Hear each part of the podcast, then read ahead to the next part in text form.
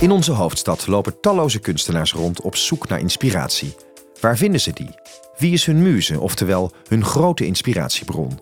Deze achtdelige podcastreeks Amuse brengt maker en muze bij elkaar voor een prikkelend gesprek over kunst, inspiratie en natuurlijk Amsterdam.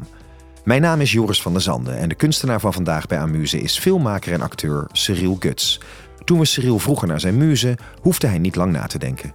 Direct gaf hij aan dat Anita de Wit zijn grote inspiratiebron is geweest bij het maken van zijn nieuwe bioscoopfilm Loverboy Amsterdam. Een film over een alleenstaande vader die door zijn schuldeisers gedwongen wordt om een meedogenloze loverboy te worden. Cyril's muze Anita is de oprichter van de stichting StopLoverboy.nu en de moeder van een jonge vrouw die slachtoffer was van een loverboy in Amsterdam. Ze heeft hem tijdens het schrijven van het script van veel kennis en inspiratie voorzien en daarom dus vandaag bij mij in de studio van Amuse zijn aanwezig Anita de Wit en Cyril Guts. Kun je wat over jezelf vertellen? Wie ben je? Nou, ik ben eh, de zoon van mijn moeder. Ik ben Cyril Guts, acteur, filmmaker. Afgestudeerd aan de Toneelacademie Maastricht 2016. En de maker van de bioscoopfilm Loverboy Amsterdam. Daarom zit je hier vandaag. Ja. En je hebt een inspiratiebron meegenomen. Jazeker. Kun je daar wat over vertellen? Waarom is deze persoon jouw inspiratiebron? En wie is het? Ik heb Anita de Wit meegenomen. En waarom is Anita mijn inspiratiebron? Omdat ik wil meer weten eh, wat betreft het fenomeen loverboy mensenhandel. En ik ben gaan googlen, allerlei stichtingen ben ik, heb, ik, heb ik gevonden. Toen kwam ik in contact met stoploverboys.nu. En Anita was daar de, de, de, de oprichter van. En daar had ik contact mee en ik merkte dat dat gelijk heel persoonlijk was en heel authentiek, oprecht. En wat mij zo raakte, was dat Anita langer dan tien jaar andere mensen hun dochters redt uit handen van loverboys. Wow, wie doet dat? Dat is toch niet normaal? Het moet toch allemaal volgens regeltjes gaan en dit en dat. En zij was gewoon no nonsense en zij hielp die meiden echt en die bracht ze ook in huis. En wat me ook nog raakte is dat haar eigen dochter door drie verschillende loverboys, zeg maar, in, in de handen van drie verschillende loverboys zat. Dat ik dacht, wauw, hoe kan je dan toch zo sterk zijn? Ik heb nog een andere held, Peter R. de Vries, Rust in Vrede. Heeft me ook geholpen, maar Anita doet me erg aan Peter R. de Vries denken, op haar eigen manier. En dat, dat inspireerde mij zo. En dat gaf mij de kracht om deze film te maken, maar ook heel belangrijk om het zo realistisch mogelijk te maken. Zodat het echt impact kan hebben op jongeren om ze hiervoor te behoeden, weet je? Dus, dus vandaar dat eh, Anita mijn muze is daarvoor. En hoe hebben jullie elkaar ontmoet? Nou, hoe het is was het gegaan? Ja, hoe we elkaar hebben ontmoet. Het was eigenlijk een soort van eh, Tinder date. Moet ik even uitleggen. Nee, het is niet een Tinder date, maar eh, we hadden gewoon eh, gemaild. Van al die mensen die mailden, waren een beetje koude, afstandelijke mailtjes.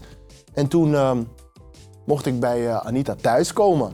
En eh, toen ik bij Anita thuis was, was uh, Danuska was er ook bij.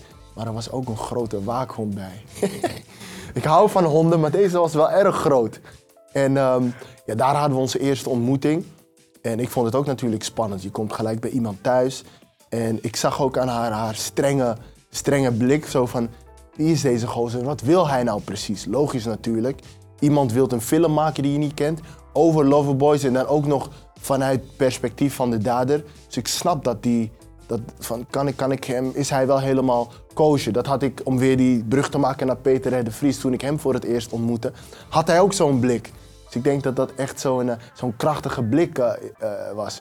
Maar op een gegeven moment, toen, toen we aan het praten waren, ja, merkte ik toch wel een connectie. Ik wilde daar meer over weten. En zij was ook oprecht geïnteresseerd in wat ik had gedaan. Want ik had niet zo heel veel gedaan. Maar toch ontving ze mij thuis, eh, kreeg een lekker kopje thee. Ehm, ja, en ik voelde me op mijn gemak. En vanuit daar zijn we elkaar vaker gaan ontmoeten. En op een gegeven moment ontstond er ook zo'n vriendschap en vertrouwen. Anita, hartelijk welkom. Nou, jij bent dus uitgekozen door Cyril eh, als inspiratiebron. Die heeft jou meegenomen. Hoe vind je dat? Ja, heel bijzonder. En eh, ja, we hebben eigenlijk een hele bijzondere band hebben we opgebouwd samen. En eh, ja, ik vind het een hele eer. En waarom vind je het zo'n eer? Ja, zeker omdat eh, we hebben zo lang met elkaar samengewerkt natuurlijk. En eh, uiteindelijk dat hij daardoor mij heeft gekozen, eh, ja, vind ik dat toch wel heel bijzonder. Ja, dat snap ik. Kun je wat over jezelf vertellen, Anita? Wie ben je? Ja, ik ben Anita de Wit en moeder van een slachtoffer. En uh, vanuit daar uh, ben ik begonnen uh, met een strijd, omdat ik zag dat er veel misstanden waren omtrent Love Boys. en heb ik een stichting opgericht, Stop Love Boys Nu. En dat heb ik twaalf jaar gedaan. En ja, daar heb ik heel veel meiden heb ik uit het circuit gehaald. En ja, ook weer een goede toekomst gegeven. Wauw, wat bijzonder. Hoeveel, hoeveel meiden ongeveer? Kun je dat duiden? Nou, ik kan ze niet op mijn hand tellen, maar dat zijn er echt honderden. Wauw. Ja. Dus in die zin heb je ook heel veel gezien als het gaat over dit hele thema. Ja, in het begin uh, was ik een hele onwetende moeder. Hè, want je, ik, ik wist totaal niet van dit probleem af. Uh, omdat je dochter daarin terecht is gekomen. En uh, ja, dan merk je dat er uh, behoorlijk veel onrecht in is. Um, je komt op plaats lotgenoten kom je tegen. En je merkt gewoon, er, er moet gewoon iets veranderen. Je merkt het rechtssysteem, hoe werd daarmee omgegaan. meiden die eruit moesten, werden opgesloten in gesloten settingen. Mijn dochter heeft een jaar in een jeugdgevangenis gezeten. En ik denk, ja, weet je, dit moet anders. Dit, dit kan niet. En uh, nou ja, uiteindelijk door de stichting heb ik een hele andere visie gekregen. Ehm, hoe je wel meiden eruit kan halen. En uh, op een goede manier, met goede begeleiding, ze weer een toekomst te kunnen gaan geven je zegt zelf, je hebt een stichting opgericht, Stichting Stop Loverboys Nu. Kun je daarover vertellen hoe, wat je stichting allemaal precies doet? Ja, uh, het voornaamste doel is meiden uit het circuit halen en uh, dus in een veilige setting brengen, waardoor ze weer aan zichzelf kunnen werken. Daarin had ik een opvanghuis ook. Dat was echt huiselijk, dus geen instantie of instelling of wat dan ook. Uh, en daarin had ik een heel team met psychologen, die weer bezig waren met traumaverwerkingen. Veel gesprekken die ik zelf deed met meiden.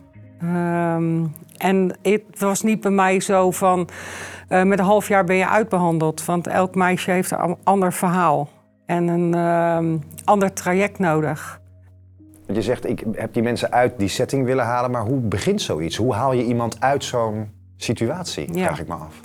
Nou, ik heb ook veel met Tros Vermist gewerkt, met Jaap Jongbloed. En uh, ik werd eigenlijk benaderd ook door de meiden zelf. Uh, veel meiden die voelen zich niet begrepen, ook jonge meiden. Dus dan praat je over uh, de, onder de 18.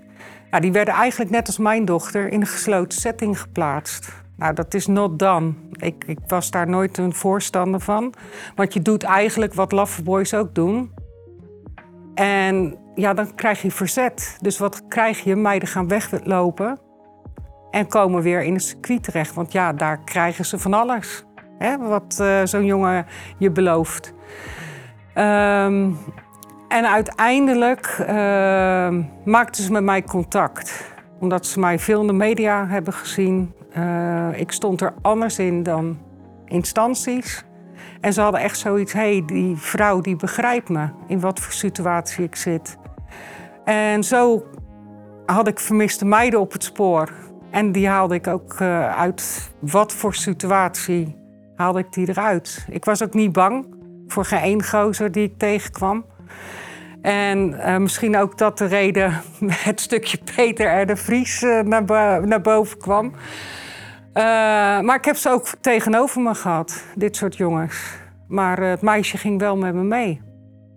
En ehm, ja, dan ga je met zo'n meisje aan de, de, gang. Ja, je hebt connecties met politie, die vooral de teams mensenhandel uh, bezig zijn. En je probeert uh, met een goede sturing toch dat zo'n meisje ook gemotiveerd raakt om een, een aangifte in te gaan. Want zo'n jongen moet wel veroordeeld worden voor de praktijken wat hij doet. Zo. Wat een bijzonder verhaal nu al, Anita. Ik ja, ik kan uren doorgaan hoor. Ja. hey, Cyril heeft dus uh, contact met je opgenomen. Um, hoe vind jij dat hij uh, een film met dit thema maakt? Heel belangrijk. Eh, hij heeft contact met mij opgenomen. Ik weet de mail nog, 2017. En ehm, het is een heel belangrijk onderwerp. Daarom eh, was ik ook wel ehm, dat ik zoiets had. Ik wilde meer van hem weten. Wat, wat was zijn planning? Wat wilde hij gaan doen? Eh, je hebt, eh, vroeger had je de film uh, Loveboys. Die werd ook op film, op tv gebracht. En dan denk ik, oh mijn god, weer dat onzinverhaal. Want dat is niet meer aan bod, zoals het daarin werd gepresenteerd. Nou, toen kreeg je dat de film van het boek van Carrie Slee, Lover of Loser, werd gefilmd. Nou, als je kijkt wanneer is het boek van Carrie Slee uh, geschreven, dan is het niet meer de Loverboy zoals ze nu opereren. Wat is dan precies het grote verschil met de film Loverboy, waar je net aan refereerde, en uh, het, het, boek van, uh, van Carrie Slee ten opzichte van de situatie nu? Nou, wat je nu dus kijkt naar de twee films, hè, dus Loverboy en Lover of Loser, is veel cadeautjes. Het paaien, het lief in een traject brengen. En als je kijkt naar de Loverboys zoals ze nu opereren, gaat er veel via internet. Waar ze contact maken. Ze kunnen heel snel schakelen. Dus snel contact maken. Uh, maar ook in het uitgaansleven. Uh, maar het gaat met veel geweld gepaard. Het is niet een uh, trajectje waar ze een half jaar de tijd voor nemen om een meisje verliefd te laten worden. Nee, het gaat echt razendsnel. Hier bij mij in de studio, welkom Cyril en Anita. we zitten hier bij de podcast Amuse. het gaat natuurlijk over het thema Loverboys, over de film die Cyril heeft gemaakt, maar specifiek ook over Amsterdam, want de film heet Loverboys Amsterdam. Ik had toch nog een vraag daarover, Cyril. Waarom heb je specifiek voor de stad Amsterdam gekozen? Ik kom uit Amsterdam en je hebt de Wallen. En ik, toen ik onderzoek deed, kwam ik erachter dat er ook heel veel in Amsterdam gebeurt, los van de Wallen. En daar heb ik ook heel veel verhalen van gehoord van, van Anita. Ja, ik heb het zelf als moeder ervaren. Um, mijn dochter heb gewerkt op het Wallengebied, gedwongen met uh, tweede Loveboy. En die kwam ook uit Amsterdam. En uh, ja, ik hoorde op laatst dat ze in Amsterdam aan het werk was. En ik uh, heb gewoon uh, mijn auto gepakt. En ik ben zo het Wallengebied opgegaan. En dan uh, kom je als moeder kom je dus je dochter achter het raam tegen. En dat is heel shocking, kan ik je vertellen. En ehm, ja, zij heeft daar een uh, behoorlijk lange tijd moeten werken. Veel contact ook met politie Amsterdam gehad. Die wist ook dat ze in een gedwongen situatie zat. En op laatst maakte ze wel weer contact met mij. Toen ben ik ook een paar keer naar haar toe gegaan. Toen was ze helemaal in elkaar geslagen door de jongen. Want ze had niet genoeg geld binnengehaald. En toen zag ik hele diepe wonden bij haar. Toen heb ik haar meegenomen naar een kroeg op het Wallengebied. En heb ik in de toilet heb ik haar uh, wonden staan schoonmaken. Bizar misschien in, als je dit hoort, maar ik kon haar niet meenemen. Want ze moest, ze kon niet weg.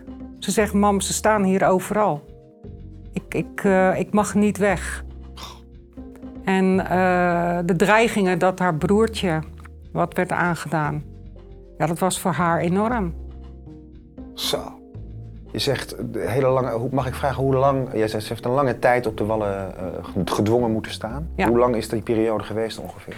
Uh, het wallengebied was twee jaar. En dan zou je eigenlijk zeggen van, dat kan toch niet in de hoofdstad, in Amsterdam. De wallen waar alles gecontroleerd wordt, eh, met politie weet ervan. Hm. Ja. Nee, dat is ook exact mijn vraag, zei je. denkt, hè, het is zo'n stad waar alles uh, uh, is, of waar controle, maar dan blijkbaar werkt die wereld toch zo, dat dat ja. niet zo is. En kijk, als moeder ben ik dat tegengekomen, maar ik heb ook heel veel meiden van het Wallengebied weggehaald. En er wordt voor mij ook altijd vaak gevraagd van ja, maar weet je, niet alle meiden staan daar gedwongen. En dan denk ik van oké, dat kan ik me voorstellen dat meiden zeggen van nee joh, ik uh, ben hier de hoer en ik verdien mijn centen. Maar er, staat, er is altijd een verhaal. Weet je, je hebt geen school waar je uh, als hoer kan leren. Hoe word je een hoer? Waardoor komt dit? Er is altijd een verhaal. En een van die verhalen is een gedwongen situatie.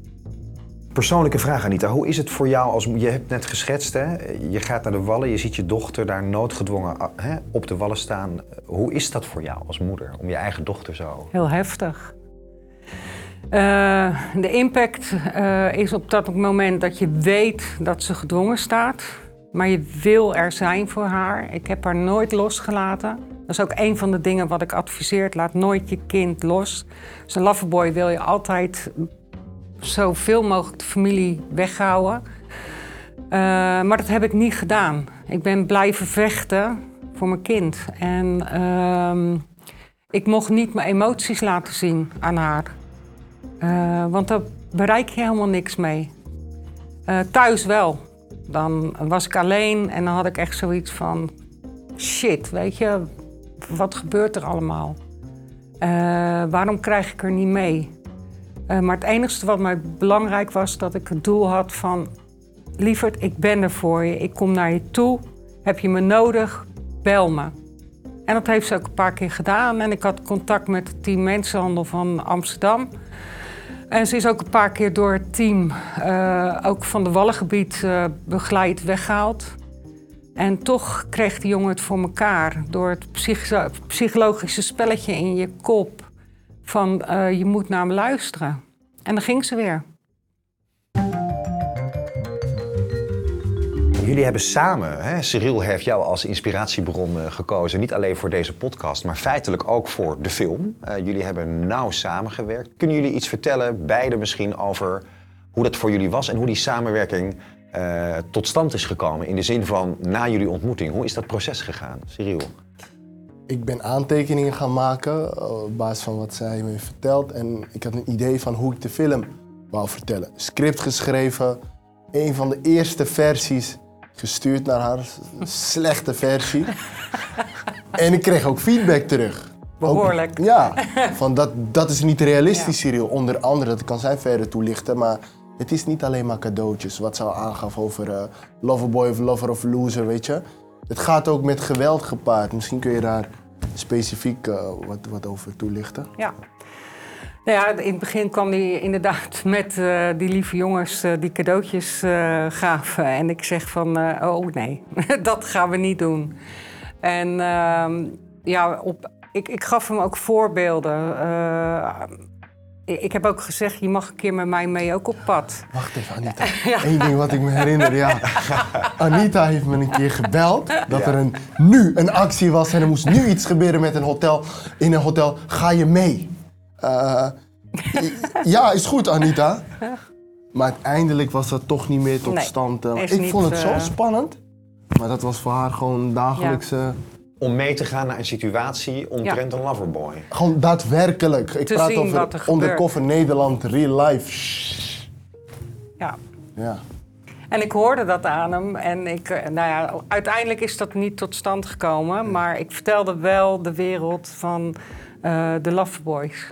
Jij wil echt de daderkant op film laten zien. En dan moet je ook het realistische beeld laten zien. Uh, wat dit soort jongens doen. Hè? Zowel jonge jongens, uh, jongens die er al eventjes in zitten. Maar ook wat gebeurt er met zo'n jongen? Emotie, uh, die worden ook uitgeschakeld. jongens die gestraft worden in het netwerk. dat ja, is ook een heel belangrijk punt. Zit ook in de film. En dat ja. is op basis van iets wat je had uitgelegd bij mijn voorlichting op scholen. Dat ik Oké, okay, er zijn ook mannelijke slachtoffers, er zijn ook mannelijke prostituees. Ja. Oké. Okay. Ja. Oké, okay, it's big, bigger than that. En wat ik vooral ook uit, uit jouw uh, verhaal haalde is van...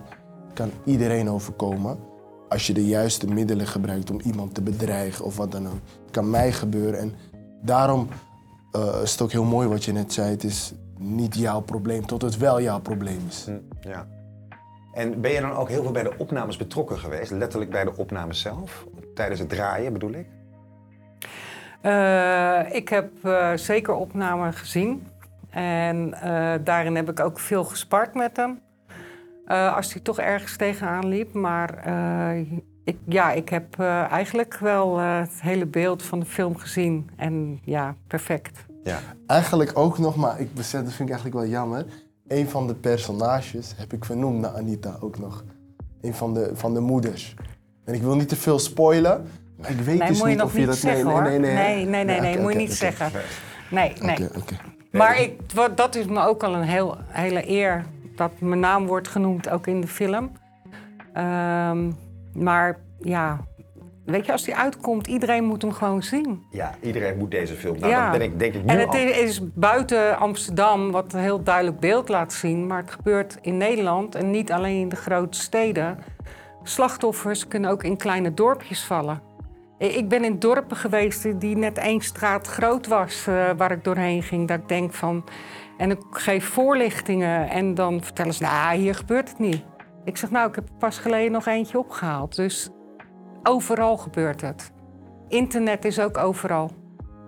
Nou, het is letterlijk echt overal. Eh, maar jullie hebben natuurlijk gekozen voor de setting Amsterdam. Eh, Ja. De opnames, we hadden het net al even over. Waar heb jij in Amsterdam allemaal opgenomen, Cyril, deze film? Is dat door heel de stad gegaan? Nee, eh, vooral eh, in Nieuw-West en in Noord. Ik, ik kom daar vandaan. In Nieuw-West ben ik opgegroeid. En in Noord. En als je zeg maar eh, ook kijkt naar bepaalde seksadvertenties van amateurprostituees, zie je ook dat het in Osdorp gebeurt, in, in, in Slotermeer gebeurt, in eh, Amsterdam-Noord. Dus ja, wat ik al zei, je moet het wel realistisch maken. Eh, Het betekent niet dat het niet in de pijp kan gebeuren of wat dan ook. Maar ik zie dat daar eh, meer gevallen zijn. Dus dan moet je dat ook, dat stukje realisme moet je ook laten zien. Is dat ook zo dat het echt in percentages meer in Nieuw-West gebeurt dan in Zuid bijvoorbeeld? Is daar, zijn daar cijfers over? Weet jij dat, Anita? Of? Nee, ik, ik denk niet. Als ik heel eerlijk ben, ik haal ze van Noord, Zuid, Oost, West. Eh, In Amsterdam. En ik, ik kan me heel goed voorstellen dat er bepaalde wijken kunnen zijn. Maar ja, weet je, ik. eh, Hoe ik dat zeg maar heb ontdekt, is zeg maar op die websites kun je dat zien. Want dan zie je de adressen en al dat soort dingen. En het is makkelijker om in een soort van flatgebouw zoiets te doen dan een laagstaande woning in, eh, ik zeg maar wat, eh, in de pijp. Of, of mm, ben ik niet helemaal met je eens. Dan gaan Kijk, we weer je? discussiëren. Kijk, kijk, kijk. kijk. Ja, kijk, in een, eh, in, in een flatgebouw, als daar continu mensen op een portiek komen, dan kan je ook dingen gaan opvallen. En in een huis waar prostitutie aan de gang is, hoeft dat niet. Kan via de achterkant wezen, kan via de voorkant zijn, waar klanten worden binnengehaald. Dus het is niet. Dus die discussie wil ik graag Niet met je een aangaan. of het ander. Nee, nee. Check. Je hebt dus gekozen voor hè, eh, de plekken om in Nieuw-West en in Noord te filmen. Wat ben je daar tegengekomen? Was het spannend om op sommige locaties te draaien voor deze film? En wat ben je daar tegengekomen? Nee, het was niet per se spannend, omdat wat ik zeg, ik ken die buurten. En ik had al een webserie gemaakt. Wat eigenlijk best wel grappig was, is de meeste mensen uit de buurt die kennen het. Die kennen de, de verhalen ook. Dus dan, terwijl je aan het opnemen was, zei ze, hey, Loverboy, of dit of dat, weet je. Dus dat een hele andere soort van eh, luchtige eh, vibe als het ware. En als je zeg maar in zo'n huis gaat, dan probeer je dat wel te creëren met art direction. Om het wel zo kaal en, en, en zieloos te maken. En dan, als je dat speelt of acteert, dan krijg je er wel een ander gevoel bij. Maar dat is pas als je in de situatie duikt. En waarom heb je voor het medium film gekozen? Want er zijn natuurlijk meerdere vormen waarin je zo'n verhaal kan vertellen. Hè? Dat kan ook via theater of via een boek. Of... Waarom specifiek film? De reden waarom ik het eh, medium film gebruik is... de jongeren kun je daar het best mee bereiken. En wat doe ik dan? Ik maak een film die entertainend is, maar de boodschap zit erin verborgen. Dus je bereikt ze zeg maar, door te entertainen en je gaat ze informeren. Dat is natuurlijk heel anders dan een documentaire die Anita heeft gemaakt. Ja, ik heb echt eh, twee documentaires gemaakt met de Rode Dames. En daarin heb ik, eh, ben ik op, naar de Loveboys toe gegaan. Die, staan ook op film. Eh, meisje die eruit komt. En dan hoor je heel duidelijk een beeld hoe zo'n jongen reageert. En dat zijn gewoon, dat is gewoon realistisch. Nou, Cyril, eh, je hebt een bijzondere film gemaakt, denk ik. Eh, wanneer komt de film uit? En jij hebt daar exclusief de trailer mogen zien. Wat vond je van de trailer? Ja, eh, ja, heel spannend. Ik heb er met kippenvel naar zitten kijken. Omdat het inderdaad, wat Anita ook al aangaf... eh, en zoals ik ook dit gesprek ervaar en met hoe jullie erover praten... een heel realistisch, rauw beeld Heel met- belangrijk. Ja, wat je meteen grijpt. Dus je denkt meteen naar de trailer, ik wil deze film zien. Dit is goede reclame. Ehm, ja, wanneer komt de film uit? Begin volgend jaar. Eh, wanneer precies? Ja, dat ligt er een beetje aan. Hè? Je wilt niet tegelijkertijd uitkomen met eh, Avengers of eh, James Bond. Dus eh, we gaan het zien. Anita, ja, hoe belangrijk je dat thema vindt, dat geeft ook aan, want je hebt nu een boek meegenomen, De Meisjes van mevrouw De Wit. Waarom heb je dit boek meegenomen? Waarom wil je hier graag wat over Nou, ik vind het ook belangrijk, buiten de film, eh, hier staat mijn verhaal in, De Meisjes van mevrouw De Wit. Het begin eh, als moeder zijnde met mijn dochter. Ehm, maar ook andere meiden die ik geholpen heb. Eh, het boek is opnieuw uitgebracht. Dus hij is overal weer te verkrijgen. En ja, weet je, het is een deel van mijn verhaal. Maar wie weet, eigenlijk moet er ook een deel 2 van komen. Dus wie weet. Wat bijzonder. Ik hang aan jullie beide lippen. Ik vind het heel... Ik word zelfs geïnspireerd door jullie beiden. Dus een compliment daarvoor. Eh, we zijn hier hè, bij de podcast Amuse. eh, een kunstenaar met zijn of haar inspiratiebron. Eh, zou er iets eh, zijn wat jullie beiden nog tegen elkaar zouden willen zeggen? Anita, wil jij nog wat tegen Cyril zeggen? Ik ben trots op je kanjer. Dankjewel. Ja, ik wil zeggen dankjewel voor je vriendschap. Ja, En eh, laten we gewoon lekker verder gaan. absoluut. We hebben Ja. nog genoeg inspiratie. Ja. Nou, te gek. Dank jullie wel, beiden, voor jullie komst en voor jullie mooie verhaal, alle twee. Heel erg dank.